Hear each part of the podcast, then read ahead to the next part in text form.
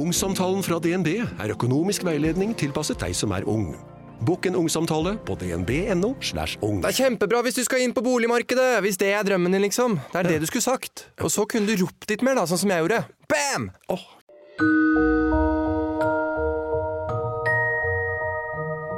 Ja, Eli, i dag så har vi altså fått besøk av Hans Petter Eikesdal, som er kreftspesialist og har jobba som overlege ved kreftavdelinga på Haukeland eh, universitetssykehus.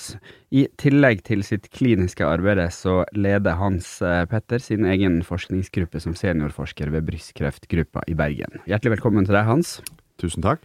Tusen takk for at du vil, eh, vil stille som gjest hos oss. I tillegg til det jeg sa nå, så sitter også i styringsgruppa i Norsk brystkreftgruppe, som bestemmer retningslinjene for behandling av brystkreft i Norge. Kan du ikke starte med å si litt om eh, ja, hvordan er, hvordan er status rundt brystkreft i Norge i dag? Litt eh, statistikk, litt tall. Altså, brystkreft er jo den eh, klart vanligste kreftformen blant eh, kvinner. Um, og eh, så det er jo ve eh, veldig mange i Norge som får brystkreft hvert år. eh, over 3500 eh, årlig. Eh, samtidig så er det sånn at de aller fleste blir friske av den sykdommen, og vi har veldig mange som da enten har eller har hatt brystkreft, og som, sånn at det er en, stor gruppe av mennesker i Norge. Mm. Hva slags behandling er det som er tilgjengelig for brystkreftpasienter i dag? Det er jo eh, kanskje den kreftformen der en har kommet lengst når det gjelder bruk av eh, målretta behandling og persontilpassa behandling. Det begynte for flere tiår siden med at en kunne bruke f.eks. hormonblokkerende behandling hos de som har hormonfølsom brystkreft. Sånn at vi har jo i mange tiår allerede drevet med det som i dag gjerne omtales som persontilpassa medisin, da. Mm. Hvis du skal utdype det, hva er egentlig persontilpassa? Nei, det er jo det at du Den behandlingen som er, fungerer bra hos én person, fungerer ikke nødvendigvis bra hos en annen. Sånn at det å skreddersy behandlingen og gi den mest optimale behandlingen til hver enkelt, er jo det som ligger i, i det med persontilpassa medisin. Eh, samtidig så er det òg sånn at vi kan da i større og større grad, etter hvert som vi får mer målretta terapi, ta vekk eh, cellegiftbehandling, som er en slags, kan vi si, eh, eh, behandling som dreper alt, men den har også veldig mye skadeeffekter på normale organer. Sånn at når vi da kan erstatte den eh, cellegiften med mer målretta terapi, så vil det for de fleste pasientene også bety et my en mye bedre livskvalitet. Mm. Ja, det kan jo jeg eh, skrive under på. Jeg skulle gjerne sluppet unna eh, celle- cellegifta sjøl. Jeg har vært, hatt én runde, og må kanskje i gang med, med flere runder. Når kan dette skje, da? For de jeg kjenner som har hatt eh, brystkreft, har jo fått uh, cellegift. Når, når blir dette en behandling som uh, brystkreftramma kan få eh, på det jevne? Altså Det er jo sånn at uh, brystkreft er, det er ikke én sykdom, men det er mange ulike sykdommer. Det er mange forskjellige typer av brystkreft. Sånn at på noe, noen typer av brystkreft så har vi mye forskjellig målretta behandling vi kan bruke. Mens på enkelte typer så har vi ikke så mye, og dermed i stor grad fremdeles må bruke cellegift. Men en er jo kommet veldig langt uh, innenfor brystkreft på det å virkelig analysere uh, kan du si, kreftgenomet. da, Hva er det som er gått galt i de kreftsvulstene som gjør at de har begynt å vokse. Uh, sånn at vi vet veldig mye om detaljene i hva det er som driver sykdommen fremover. Og det har igjen, kan vi si, tror jeg vært en, en brekkstang for at en også har fått mer fokus på den typen analyser på andre kreftformer, sånn at en forhåpentligvis også ved andre krefttyper kan få mer målretta behandling etter hvert. Mm. Mm. Eh, hvordan går du fram når du skal fortelle en, en pasient at hun har brystkreft? De har jo, eh, Når de kommer til, til meg på kreftavdelingen, så har de jo allerede fått, fått vite at de har en kreftsykdom. Mm. Så det er sånn at uh, uh, når de kommer dør hos oss, så er de sånn sett informert om det. Mm. Men det er jo veldig mange som har får en sånn veldig sånn sjokkarta opplevelse av det å få en kreftdiagnose, og, og, uh, og særlig når det er snakk om uhelbredelig kreft, at det har, har spredd seg, så er jo det en forferdelig nyhet å få. Um, så noe av det som i hvert fall i den situasjonen prøver å formidle, er jo det at det går an å leve med en kreftsykdom. Um, at det finnes behandling så det går an å, å få for den sykdommen som gjør at du kan leve i, i hvert fall i noen år, og med, med rimelig, rimelig god livskvalitet. Um, ja, så det er sånn at det er liksom det å prøve uh, å få en til liksom å i, når, si, når det verste sjokket er overstått, og igjen få et slags fotfeste og, og føle en form for trygghet på at ok, det er faktisk noe de kan gjøre for å hjelpe meg. Så det, dette er noe som det går an jeg kan leve med. Mm. Det er jo selvfølgelig veldig individuelt, men for ditt tilfelle, eller du har jo fått en sånn beskjed. Hvordan, eh, hvordan var det?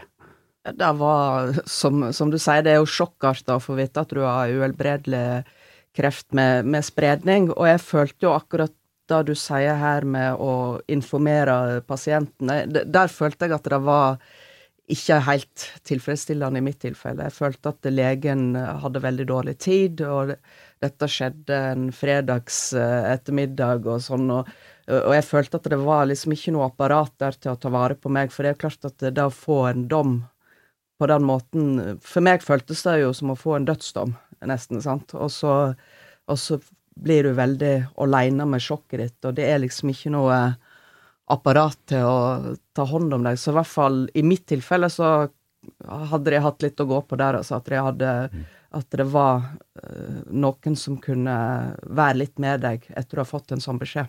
Ja, det er jo i hvert fall det som jeg prøver å formidle til de unge legene hos oss uh, som skal på en måte lære dette her. Det er jo um, at i en situasjon der du skal informere folk og gi dem så tøffe beskjeder, så er det, er det veldig viktig at en tar seg god tid. Uh, det går ikke an Hvis en prøver å forhaste seg i sånn, uh, et sånt møte, så, så, blir det forferdelig vanskelig for pasienten. og det, det gjør det ofte at en må bruke veldig mye tid etterpå for å prøve å gjenskape tillit og prøve å hjelpe vedkommende videre. Sånn at det å bruke god tid der, når en skal gi en sånn beskjed, uh, helst også sammen med at de har med seg eh, en, en, en i familien eller en, en, god venn, sånn at en ikke sitter alene i en sånn konsultasjon. For det, det dukker ofte opp mye spørsmål, og en har lett for at rullegardinen går ned. En husker ikke så godt hva som ble sagt, og da er det veldig viktig at en har med seg noen. I hvert fall min erfaring. Det er et veldig godt uh, tips, og det er jo sånn når jeg skal på kontroller der jeg kan få en to typer beskjeder, og enten veldig bra eller veldig dårlig. Uh, og av og til noe midt imellom, selvfølgelig. Da har jeg alltid med meg noen. Hvis ikke mannen min kan være med, så er det venninna som er med. Fordi uh, hvis du får en dårlig beskjed hos, hos legen og sånn, så, så klarer ikke du å stille oppfølgingsspørsmål, for da går rullegardinen ofte ned, sånn som du sier, altså. Så mm. ha med ha med deg noen når du skal, skal til en sånn eh, legetime. Ja, så tror jo det at um, det som jeg i hvert fall Jeg prøver å være veldig ærlig i den uh, første, første, samtalen uh, der en liksom gir en Hvis en gir en dårlig nyhet, um, eller en skal informere om at en har en, fått en uhelbredelig kreftsykdom, at en er ærlig som behandler og forteller det sånn som det er. Selvfølgelig på en empatisk måte, men allikevel, hvis, hvis ikke en er ærlig og sier at ok, dette er faktisk en sykdom som, i hvert fall med dagens kunnskap, en ikke kan bli frisk av, um, så, så, så, skaper en heller ikke tillit. Mm. Så en må ikke prøve å pakke det inn, og en må ikke prøve å eh, gi et verken om seg urealistisk håp, og en skal heller ikke svartmale. Så det er noe med å prøve å finne noe imellom der som gjør at en kan klare å se håp eh, innenfor det som en faktisk vet at en kan, kan oppnå. da mm. med, med, behandling i dag. Men samtidig så er det jo, vi har hatt gjest her i denne podkasten her, eh, en genforsker, som eh, fortalte at eh, pasienter som har hatt blodkreft og fått beskjed om at de har en uhelbredelig kreftsykdom, har faktisk har blitt friske med ny gentilpassa behandling. Eh, hvorfor kaller man det uhelbredelig hvis det da på en måte fins et lite snev av håp? Ja, altså det har jo igjen med litt Altså en, en, skal, en, skal, være ærlig, en skal si hva som er det en kan forvente med, med, med, dagens behandling. Samtidig så skal en jo ha en, form, ha en, ydmykhet i forhold til det at en, det er jo ingen leger og ingen forskere som har oversikt over alt mellom himmel og jord. Så det kan være at det er en eller annen behandling der ute som jeg ikke vet om, og som kan, kan hjelpe en pasient, og kanskje gjøre at de lever eh, i mange, mange år. Mye lenger enn hva jeg hadde trodd. Mm. Um, jeg har, jeg har, oversikt over det som er liksom blitt eh, publisert, det som er blitt presentert innenfor medisinske kretser, men kanskje er det et eller annet, en eller annen urt inni jungelen i Amazonas som jeg ikke vet om. Mm. Det er nå det ene. Og det andre er jo det at av og til så har vi pasienter som har helt, eh, en helt fantastisk effekt av en behandling, og som gjør at de lever og lever og, og kanskje blir kurert. Men det er klart, eh, hvis en har en, en uhelbredelig brystkreft eller eh, livmorhalskreft eller, eller, noen sånne sykdommer, så er ikke det noe som vi kan Vi kan ikke forvente at den blir kurert med dagens behandling. Mm. Men vi har alle lest om i litteraturen at det er pasienter som har, har blitt friske. Uten at vi helt forstår det. Og det, Om det er immunsystemet som plutselig oppdager at her er det noe som er galt, og, og fjerner kreftsykdommen eh, ja, det, det ikke, vi, har ikke, vi, har ikke, kontrollen på alt, altså. Mm. Mellom himmel og jord. Mm. Det jeg opplevde, var jo at jeg ville ha prognoser. sant? Jeg ville ha hvor lenge kan jeg leve med dette? Hva er sannsynligheten for at jeg lever i fem år, ti år, ett år, to år? Eh, da var de veldig forsiktige med. Er du òg forsiktig med å gi folk eh, sånne livsprognoser? Ja. Uh, uh, du kan si at det er jo ikke alle som vil vite.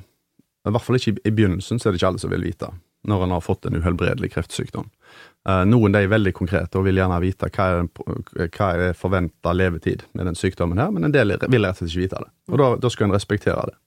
En, en, har på en måte informert om at det er en sykdom du ikke kan forvente å bli frisk av, du kan leve med det, men de vil ikke vite akkurat hvor mange år. Og så er det de som ønsker mer et veldig konkret svar på det, og da pleier jeg å si det at altså, statistikk fungerer godt på en gruppe av mennesker. Sånn at hvis vi tar eh, 1000 personer som har en kreftsykdom sånn som deg, så vet vi at eh, det forventa femårsoverlevelsen er kanskje på 20 mm. Men for, for, deg personlig så finnes det bare enten, du, enten lever du, eller så lever du ikke. Det er bare svart og hvitt. Altså, du, du, ikke, du kan ikke være 20% i livet. Nei. Sånn at det, det, det, Derfor er jo statistikk òg vanskelig for en enkeltperson å forholde seg til. Mm. Men, og, så, så jeg, jeg, kan bare si noe om hva som er statistisk forventa, men jeg ser jo det at når, hver gang jeg prøver å og særlig for en pasient som har fått en veldig langkommen sykdom og begynner å bli veldig dårlig av sykdommen, så sier jeg det at hvor lenge har jeg igjen, doktor? Så sier jeg det at dette her går til syvende og sist rett og slett på min magefølelse. Og jeg tar, jeg tar i 50% av tilfellene så tar jeg grovt feil. Enten at en lever mye lenger enn jeg hadde trodd, eller mm. at en lever en god del kortere. Men det er klart, jeg, og det, en har ikke noen blodprøve eller noen røntgenbilde en kan ta og si ok, sånn som det ser ut nå, så lever du i to år til. Mm. Det, blir, det blir, en, blir, blir en magefølelse. Men selvfølgelig, når en har jobba lenge med pasienter og, og, og, fått mye erfaring, så får en en Jeg tror nok min magefølelse er bedre enn en som aldri har jobba med, med, med, med, kreftpasienter. Men allikevel så tar jeg ofte grovt feil. Og det er jo ingenting som gleder meg mer enn når jeg ser pasienter som lever i mange, mange år, lenger enn det jeg hadde trodd, bare for å bevise at jeg, jeg tok feil. Det er jo mm. ingenting som gleder meg mer, altså. Mm. Jeg fikk jo vite for, eh, for, to år siden at jeg statistisk sett hadde to år igjen. Så sånn sett så eh, var det jo litt dumt. Altså, det, det er veldig vanskelig å, å, vite hva som er riktig. For, for jeg har jo hatt to veldig gode år, og jeg håper jo på i hvert fall to til. Mm. Ja, det viser jo bare det at statistikken er veldig vanskelig for en enkeltperson. Og um, det er jo, uh, når, vi sier gjerne at 20 er fremdeles i live etter, etter, fem år, så er jo de 20% der de kan jo godt leve òg mye, mye lenger enn det som er gjennomsnittet. Mm. Mm. Nettopp fordi at vi har ikke, det er ikke alt vi har kontroll på med, med, med våre røntgenbilder og våre blodprøver. Det kan mm. være immunsystemet ditt som er med og hjelper til og gir effekt av noe av den behandlingen du får, som gjør at du, du har mye, mye lenger forventa levetid. Mm. Hvis man får påvist eh, kreft og får beskjed om at man har uhelbredelig kreft, og at man statistisk sett har to år igjen, da, hvor mye av livsførselen sin i de to årene der er, er påvirker? Altså, påvirker det i det hele tatt om man går turer i fjellet, eller om man drikker mindre alkohol, eller slutter å røyke, eller Og da tenker jeg ikke på sånn drikke juice fra eh, nymelka kyr og sånn. Ja, altså, ikke, ikke sånn heks... Jus fra nei, men, kua, nå må du Nei, men du skjønner, sånn, eh, ikke sånne hekseråd, men sånn Jeg tenker mer sånn slutt ja, røyking og trimming og, og sånt. Altså, det, har det noe, noen effekt? Melk fra kyr, selvfølgelig. det er tidlig på morgenen akkurat på denne innspillinga. Uh, ja, jeg, jeg, tror nok det betyr noe. Jeg tror ikke det betyr så mye. For det er litt sånn at uh, altså hvis hvis eh, du, du, har en, en, kreftbehandling som holder sykdommen i sjakk, um, så har du også mer overskudd og orker å gå mer tur og orker å spise mer. Eh, sånn det, det henger litt sammen med at, med at, med at behandlingen du får, har, har effekt òg. Hvis du ikke har effekt av behandlingen, kreftsykdommen blir verre, så får du mindre matlyst, du orker ikke gå så mye tur. Og det i en sånn situasjon å presse seg til å gå, gå, gå lange turer eller sånne ting. Jeg kan ikke si at jeg har sett at det klarer å snu, snu utviklingen hvis først kreftsykdommen eh, herjer i kroppen, altså. Mm. Um, ja.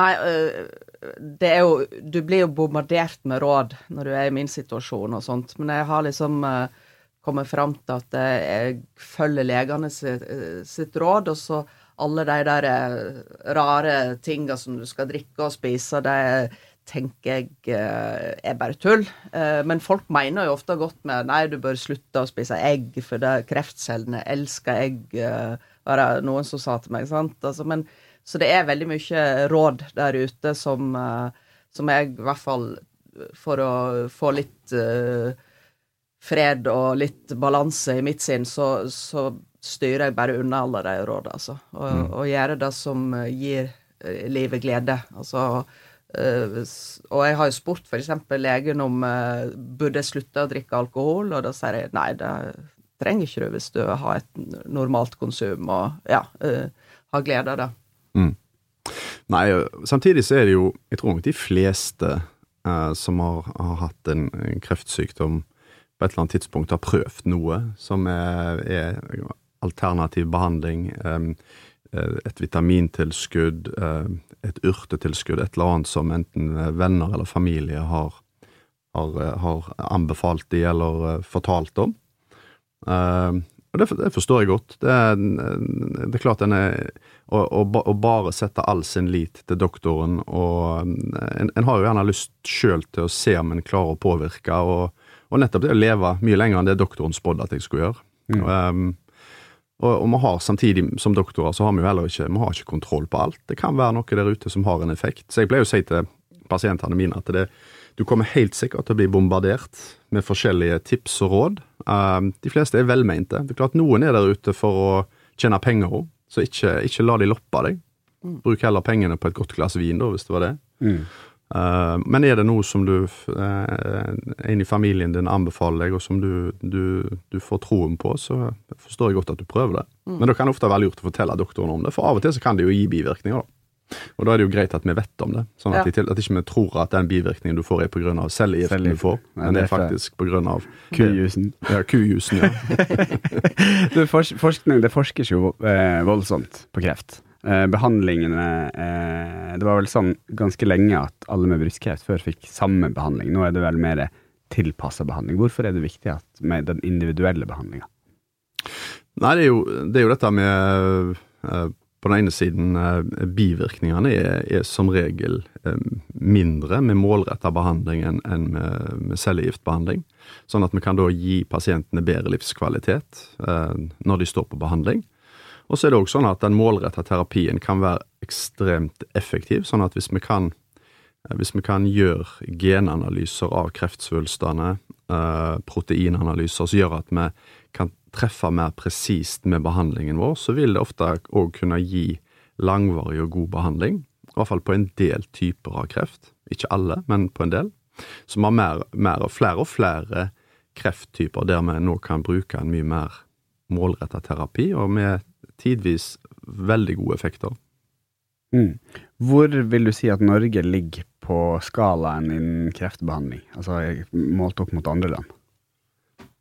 Altså, vi, vi får i Norge eh, et bredt, eller stort sett tilgang på eh, det som er av, av, kreftbehandling. Men det er en langsom prosess, eh, og som, sånn at vi norske pasienter får kanskje først tilbudet om en ny lovende kreftbehandling et par år etter at de har begynt å bruke den i USA. Um, samtidig så kan vi si at det, i USA så er det ikke sånn at alle pasienter får, får, tilgang på behandlingen. Der er du helt avhengig av at du har helseforsikring og at du er en privilegert person. Um, sånn at Noe av grunnen til den kan si, sendrektigheten i Norge er jo òg det at myndighetene da gjør ganske omfattende forhandlinger med firmaene for å presse ned pris. Og det gjør jo at den eh, norske stat sparer eh, hundrevis av millioner av kroner eh, på kreft, kreftmedisiner alene. Sånn at det gjør at vi òg vil ha muligheten til å ta i bruk flere og nye preparater, fordi at vi kjører den typen forhandlinger. Så Samtidig så det er forferdelig frustrerende og fortvilende for både oss som behandlere, men selvfølgelig for pasienter og pårørende, så er det jo samtidig noe som gjør at vi får vi, får, vi sparer samfunnet for så mye penger at vi, vi i neste omgang kan få, få, råd til å bruke mer nye lovende kreftmedisiner òg, altså. Så det er litt sånn jeg, jeg, jeg, den, den, er, den, er, vanskelig, den prosessen der. og, og de forhandlingene Jeg kunne godt ønska meg at de tok kortere tid, sånn at en raskere fikk tilgang på ny behandling. Mm. Men jeg tror, det, jeg tror vi er helt pokker så avhengig av at vi har det sånt, for ellers så hadde vi vært fullstendig legemiddelfirmaenes klør, altså. Mm. Og så er det jo viktig, som du sier, at i Norge så får jo du den samme type behandling. I hvert fall eh, i realiteten så skal det være sånn at du, eh, om du er rik eller fattig, så skal du ha tilgang på, på samme behandlinger. Mm. Og det er jo et uh, bra prinsipp. Det er det. Det er det. Og, og, og det pleier jeg å si til, til pasientene mine òg veldig tidlig, at det, det er, dette er den beste behandlingen som finnes for denne typen av kreftsykdom som du har. Og det gjelder selv om du hadde vært kona til Bill Gates, pleier jeg å si. Altså Om du hadde vært aldri så rik, så hadde jeg ikke hatt noen annen behandling jeg ville anbefalt deg som du heller skulle tatt. Mm. Men i de tilfellene der det er veldig lovende ny behandling som vi ikke kan bruke fordi at ikke det er blitt forhandla fram avtaler, eller de medisinene ennå ikke kom til Norge, så pleier jeg òg å fortelle om det. Og Det har noe med at en skal som pasient òg kunne ha tillit til at doktoren faktisk sier til deg ok, her er det faktisk en behandling som er svært lovende, mens vi foreløpig ikke kan bruke i det offentlige. I noen tilfeller så kan en da dra på en privat klinikk og få kjøpt den for masse, masse penger. Eller i noen tilfeller så må en reise utenlands. Og det, det siste er veldig vanskelig. Mm. Jeg, det men, første, ja. når du sier det masse penger, hvor mye snakker, snakker, vi? Millioner, da? Da må vanlige folk kan, ta opp hus og det, ja. lån og ja. Det kan være fra størrelsesorden 30 til 100 000 kroner i måneden. Mm. Uh, og det er jo noe som de færreste har eh, lommebok til å kunne klare.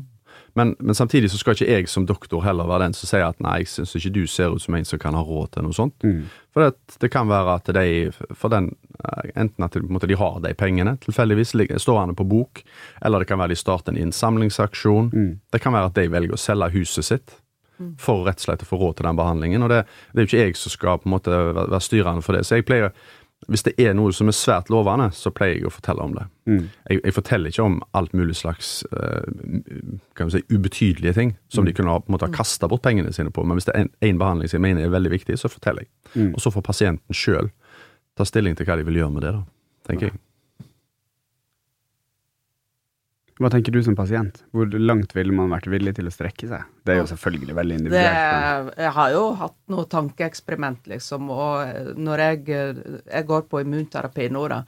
Og det var jo snakk om at jeg måtte ta det i privat regi, men så var jeg heldig å komme på en studie, da. Så, og det er jo dekka av eh, legemiddelindustrien. Så, så, gikk jeg jo noen runder med meg sjøl, for jeg ville gjerne prøve immunterapi, om det kunne hjelpe i mitt tilfelle. og og det, det, var jo snakk om millioner til sammen som det ville kosta privat. Og jeg tenkte jo på det.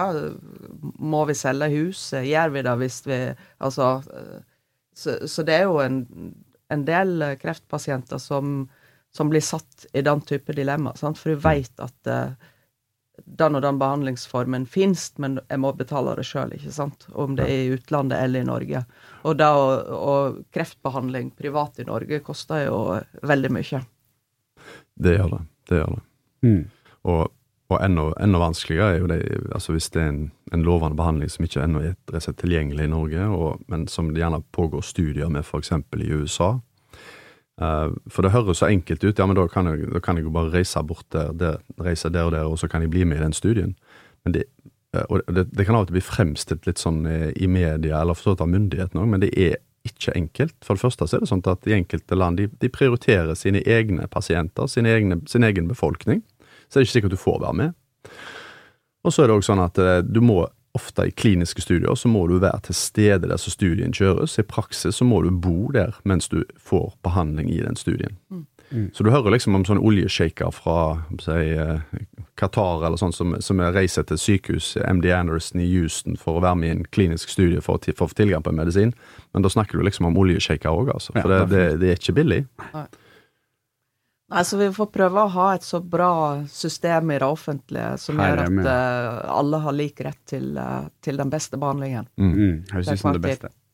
Men du, eh, all den forskninga som gjøres, kommer forskning på brystkreft også andre kreftformer til gode? Er det sånn at man kan bruke noe av det samme i livmorhalskreft eller i prostatakreft eller eh, Ja, absolutt. Og, det, og særlig innenfor dette som går på sånn målretta behandling, der en gjerne finner bestemte genfeil ved brystkreft som, som kan peke ut pasienter som har spesielt god effekt av en viss type behandling. Det beste eksempelet på det er kanskje de som har HER2-positiv brystkreft, som har et spesielt overflatemolekyl på kreftcellene, og som har veldig god effekt av um, Herceptin, perieter, som er antistoffer da, som, som binder seg til akkurat det overflatemolekylet. Og den behandlingen er, er nå gått videre til andre typer av kreft, eh, sånn som ved, ved magekreft. Eh, så har en da funnet at det er en liten gruppe av de som har den typen kreft, som også kan ha HER2-positiv sykdom, som det heter, og som kan da bruke den typen antistoffbehandling. Så det, det at, at kunnskap som opparbeider seg på én type kreft, kan overføres til andre senere, det, det, det er noe som absolutt både skjer, og som er en viktig kan si, en overføringsverdi som, som kommer. Mm. Det her er jo kanskje et dumt spørsmål, men jeg må jo spørre siden jeg bare er lekperson. Jeg kan jo ikke det her, men hvis man får kreft på ett sted i kroppen, og det behandles, og det blir spredning, behandler man da eh, de andre delene òg med, med, med egentilpassa Altså hvis jeg har kreft i leveren og det spres til eh, er det to forskjellige typer cellegift? Nei, heldigvis er, er det stort sett samme, samme kreftsykdommen som har samme egenskapene som gjør at du kan bruke én behandling som passer på alle de forskjellige svulstene som er ulike steder i kroppen. Mm.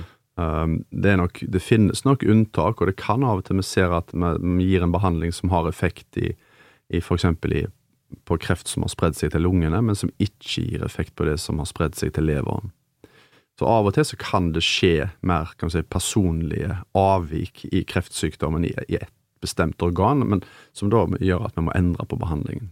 Nei. Men det, ble, det, hadde blitt, det hadde blitt forferdelig vanskelig hvis vi hadde nødt til, vært nødt til å gi én behandling for hvert organ en hadde kreftsykdom i. For det at, som regel så vil også, hvis du skal prøve å putte altfor mange medikamenter opp i posen på en gang, så blir det òg mye mer bivirkninger. Det blir en mye tyngre behandling for pasientene, og de blir, hadde ikke hatt god livskvalitet da. Mm. Helt til slutt, hvordan ser du for deg at kreftbehandling vil foregå i framtida? Altså, vil man klare å utrydde bryst, brystkreft? Ja, jeg tror, jeg tror det. Altså det, det er mange, mange små skritt. Det, jeg tror vi kommer i økende grad til å kunne gi mer og mer persontilpassa behandling. Og så kommer vi til å få økende eh, mulighet til å bruke immunterapi. Ved, for det er ikke på alle typer av kreft at immunterapi er så effektiv i dag. Eh, men det har noe med at kreftsykdommen gjemmer seg for immunsystemet, og at vi da ved ulike eh, kombinere det med ulike medikamenter kan vekke immunsystemet til live, sånn at en også kan få bedre effekt av immunterapi ved flere kreftformer enn det en har i dag. Så jeg tror nok definitivt at vi kommer til å få eh, langsomt bedre og bedre overlevelse med flere og flere kreftsykdommer, men det kommer til å gå stegvis. Eh, og ja, det, det tar tid, men vi kommer til å komme der. Mm. Veldig bra. Tusen takk skal du ha for at du tok deg tid til å være gjest hos oss, Hans. Takk for at du fikk komme.